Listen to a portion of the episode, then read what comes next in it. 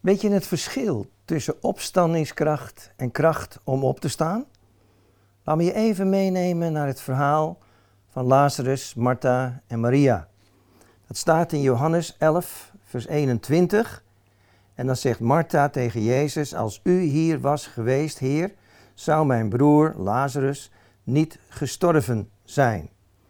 Nou, wat is het verschil tussen opstandingskracht en kracht om op te staan?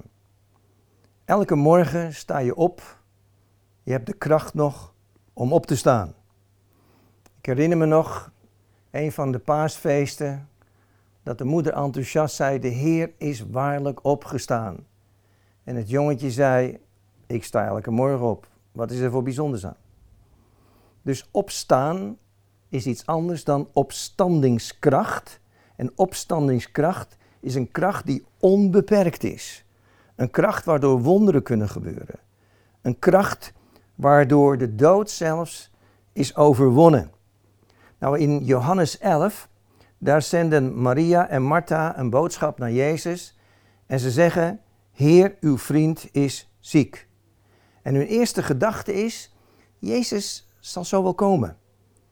Hij uh, moet alleen even op de hoogte gebracht worden van het probleem. En meestal komt hij dan ook meteen wel om te helpen.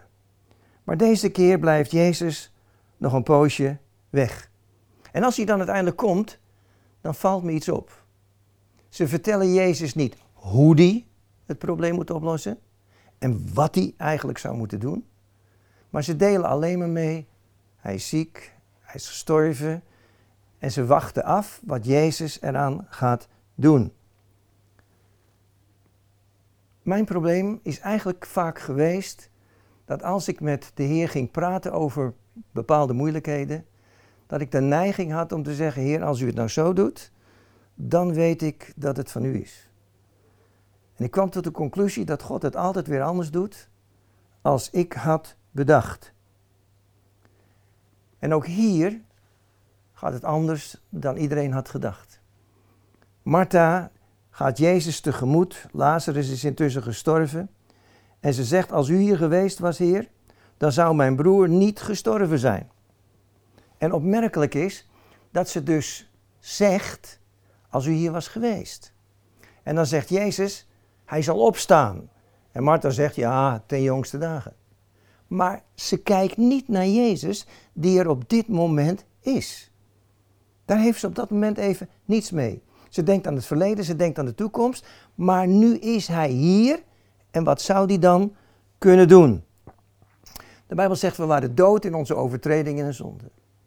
De Bijbel zegt dat hij gisteren en heden dezelfde is en tot in alle eeuwigheid.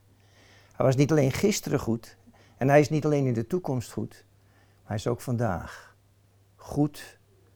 En hij wil graag jou ondersteunen, helpen, zijn opstandingskracht in jou uitgieten.